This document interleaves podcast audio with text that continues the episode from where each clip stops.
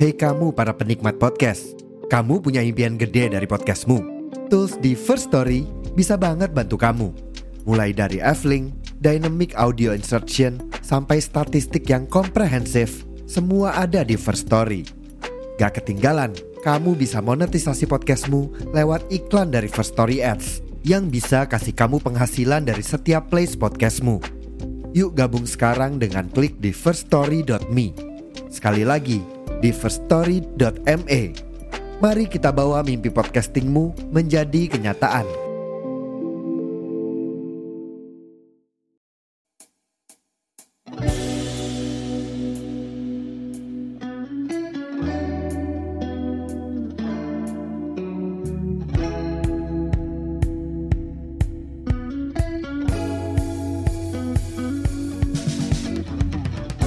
Halo, selamat datang di podcast Komik Indo. Ada dua alasan kenapa gue play musik intronya cukup panjang di awal tadi. Alasan satunya bakal gue kasih tahu ntar di belakang. Tapi alasan satunya lagi adalah karena kali ini gue mau ngebahas komik dengan tema musik. Komik yang mau gue bahas ini berjudul Apple to Orange karya Benny Shoga.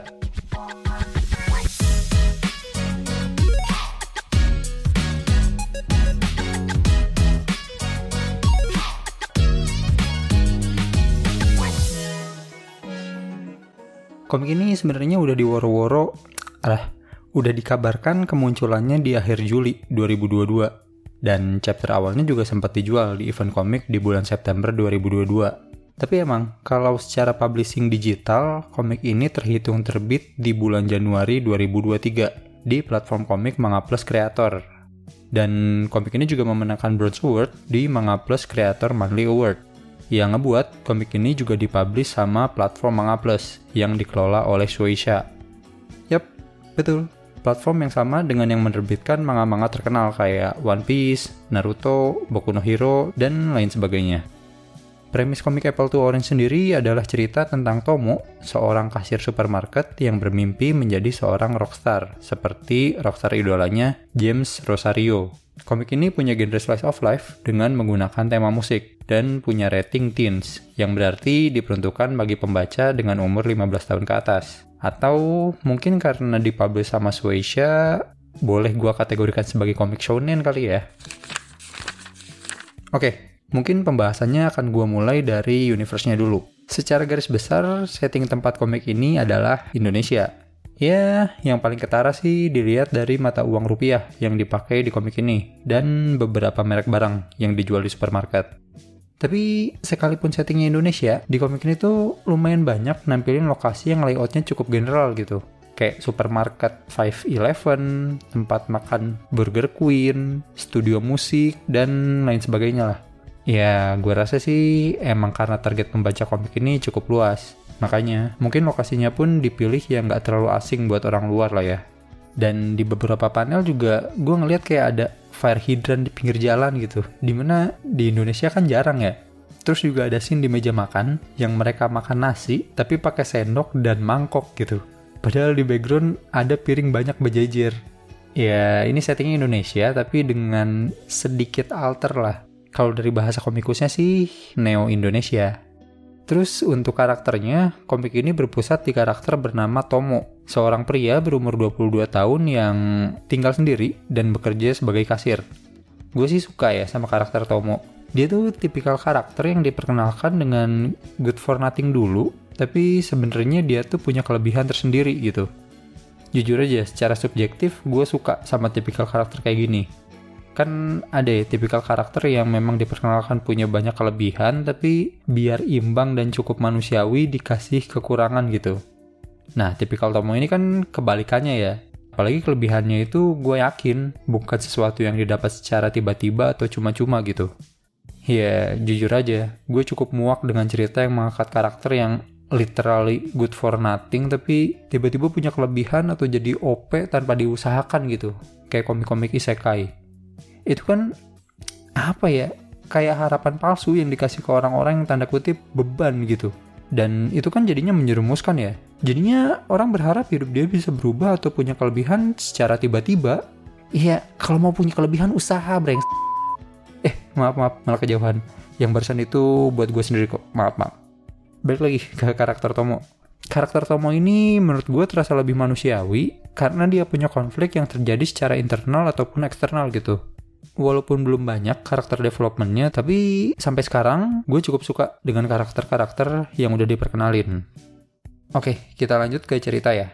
Walaupun komik ini protagonisnya tidak tergolong remaja dan bukan juga cerita adventure atau action, tapi menurut gue sebagai penikmat komik shonen, vibe shonen di komik ini tuh kerasa banget gitu, terutama di chapter 1 Semoga ini nggak spoiler ya, tapi kepolosan dan kegigihan Tomo buat gerak saat ada kesempatan ngedeketin dirinya ke mimpinya itu berasa berapi-api banget gitu. Jiwa muda, walaupun mungkin dia tahu nggak akan ada perubahan sekalipun dia ngambil aksi waktu itu gitu. Dan karena premis komik ini bergerak di sekitar Tomo, harusnya komik ini tuh lebih ke karakter driven ya. Cuma gue sendiri masih belum ngeliat hal itu dengan terlalu mencolok Soalnya si Tomo ini kan sebagai manusia biasa kelihatan banyak kurangnya ya. Dan sekalipun di satu saat dia bisa on fire banget, tapi di kebanyakan waktu tuh dia lebih banyak pasrahnya gitu. Dan sejujurnya gue ada sedikit kekhawatiran sih di salah satu bagian di ceritanya. Tapi ntar ini gue simpan di belakang aja karena bakalan spoiler. Tapi sekalipun kayak gitu perlu diingat chapter di komik ini tuh baru sedikit keluarnya dan masih banyak potensi dan possibility-nya gitu. Jadi, menurut penilaian gue pribadi, komik ini tuh komik yang kualitasnya oke okay banget. Cukup sayang kalau lu lewatin gitu aja. Satu-satunya yang halangi gue buat mengkategorikan komik ini sebagai komik yang tanda kutip bodoh amat, pokoknya lu harus baca ini adalah karena chapternya yang masih dikit. Dan gue masih not so sure ke depannya. Tapi terlepas itu, ini lagi-lagi komik yang bikin gue bingung kalau disuruh milih hal favorit yang paling gue suka dari komik ini gue sebenarnya masih cukup menimbang-nimbang tapi kemungkinan pilihan gue jatuh pada cara Mas Benny Soga ngeksekusi adegan penting di panel komik. Di beberapa halaman itu kerasa banget feel atau tujuan yang mau disampaikan.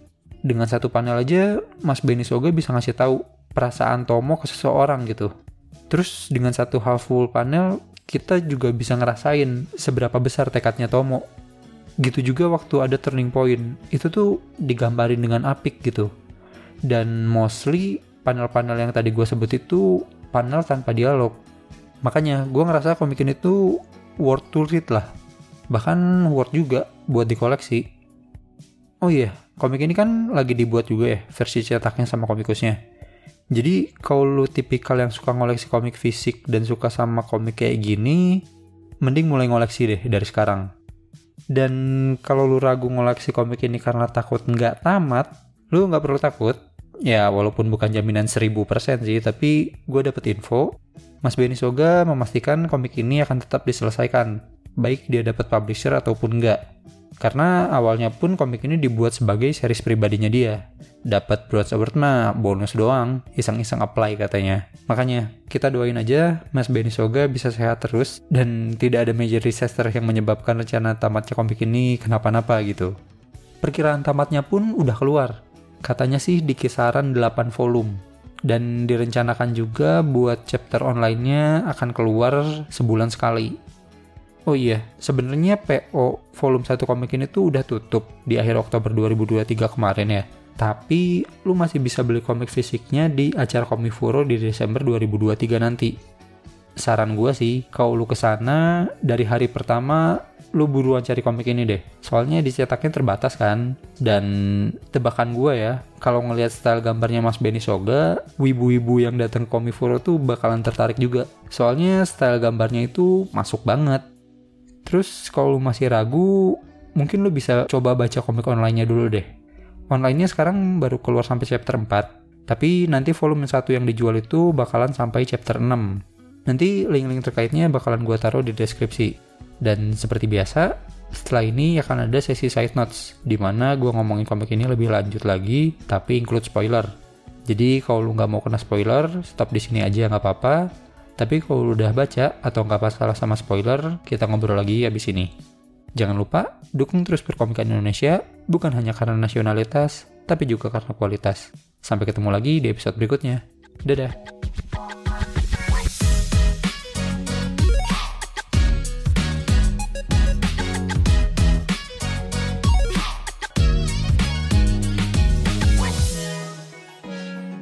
Oke, okay, side notes. Langsung aja ya. Pertama, gue mau point out beberapa hal tentang karakter. Sebenarnya gue di awal-awal tuh enjoy banget sama introduction karakternya. Dikeluarinnya pelan-pelan, nyantai, dikit-dikit gitu. Tapi dari chapter 2 dan ke sini-sini, frekuensinya langsung naik gitu. Di chapter 4 aja, tiba-tiba ada 6 muka baru yang dikeluarin. Yang kayaknya sih semua karakter itu bakalan dikasih nama dan keluar lagi di chapter-chapter berikutnya ya semoga aja sih pengenalan yang sebanyak ini nggak terlalu sering gitu. Terus juga gue suka dengan pemilihan karakter orang tuanya Tomo yang sebenarnya paham musik tapi nggak suka kalau anaknya ngedalamin rock gitu. Kan stereotip orang tua yang ngelarang impian anaknya tuh terutama di bidang seni kan karena emang mereka nggak tahu dan nggak ngedalamin aja. Tapi di sini orang tuanya Tomo tuh setidaknya paham musik lah. Terus juga dengan chapter yang baru sedikit, gue udah punya karakter favorit di komik ini. Gue suka banget sama karakter Rin. Walaupun dia nggak ada hubungannya dengan musik dan bisa jadi ke depannya makin jarang keluar, tapi buat gue, cewek yang realistis itu keren banget sih.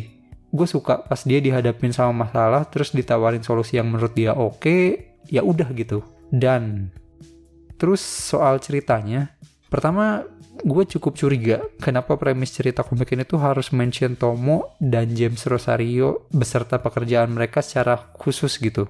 Gue jadi curiga, poin penting komik ini jangan-jangan emang ada di siapa itu Tomo dan siapa James Rosario sih. Iya, tapi itu spekulasi bodong gue aja. Terus, oh ya, yeah, jujur, gue tadinya ngerasa hook yang dikasih sebagai penutup di tiap chapternya tuh bagus-bagus gitu tapi kenapa ya? Rasanya urgensinya tuh turun terus di tiap chapter. Kayak yang pertama itu kan Tomo kecelakaan. Nggak tahu keselamatan dia tuh gimana. Terus yang di chapter 2 dia tiba-tiba dapat utang 80 juta dan nggak tahu harus dapat duit dari mana. Yang chapter 3 mungkin vibes-nya lebih ke kayak ini orang siapa? Tujuan dia tuh apa gitu. Terus yang keempat kayak cuma hah harus main band. Ya gue tahu sih nggak harus pick terus. Ntar jadi nggak ada dinamikanya kan. Tapi ada beberapa hal yang menurut gue rada disayangkan aja sih. Terutama masalah Tomo di chapter 2 soal uang 80 juta yang diselesaikan begitu aja. Bukan masalah dia tidak berusaha terus tiba-tiba selesai bukan. Tapi lebih ke problemnya Tomo jadinya apa gitu Iya, gue tahu pasti nanti akan ada masalah pas dia ngeband atau bermusik. Dan kemungkinan juga utang dia yang dibayarin itu bakalan diumbar-umbar lagi buat nekan atau maksa Tomo. Tapi kan intinya masalah utama yang menghambat Tomo udah selesai. Sekarang malah diajak main band. Kayak dapat jackpot aja itu mah. Belum kelihatan ada do or die-nya. Kalau pas punya utang 80 juta kan dia jadi terpaksa harus balik ke keluarganya dan ngajar piano mau tidak mau soalnya biar bisa nyicil utang.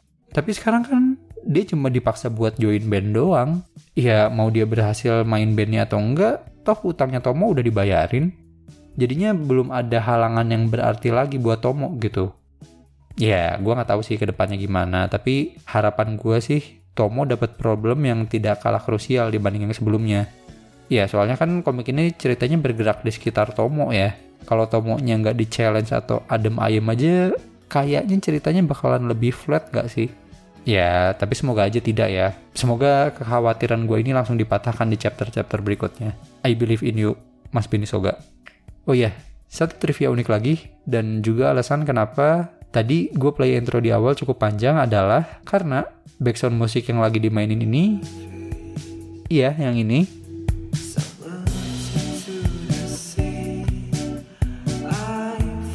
Ini adalah musik dari band dengan nama Apple to Orange yang merupakan bandnya Mas Benny Soga juga. Yoi, dia anak skena juga loh. Tapi yang perlu dicatat, kalau lagu dan bandnya ini nggak ada hubungan sama sekali dengan cerita di komik Apple to Orange. Cuma yang mau gue highlight di sini adalah kita jadi tahu cerita tentang musik dan anak band yang dibikin Mas Benny Soga tuh nggak cuma make up story, akan ada experience dan banyak bagian personal juga yang disisipin di komiknya gitu. Dan gua rasa ceritanya akan dalam sih. Mungkin karena ini juga ya, di chapter satu komik ini cukup banyak komentar yang ngebandingin komik ini dengan komik lain kayak Beck, Pochi, Solanin. gue sebenarnya nggak mau ngangkat soal ini soalnya jadi kayak ngebanding-bandingin karya kan cuma ya dari komentar di komik Apple to Orange ini jadi kelihatan kan kalau dari segi kualitas komik Indo tuh nggak kalah sama komik-komik Jepang. Kita tuh kurang di industri sama audiens saja kalau dari segi kualitas mah gue rasa udah bisa dibandingin secara apple to apple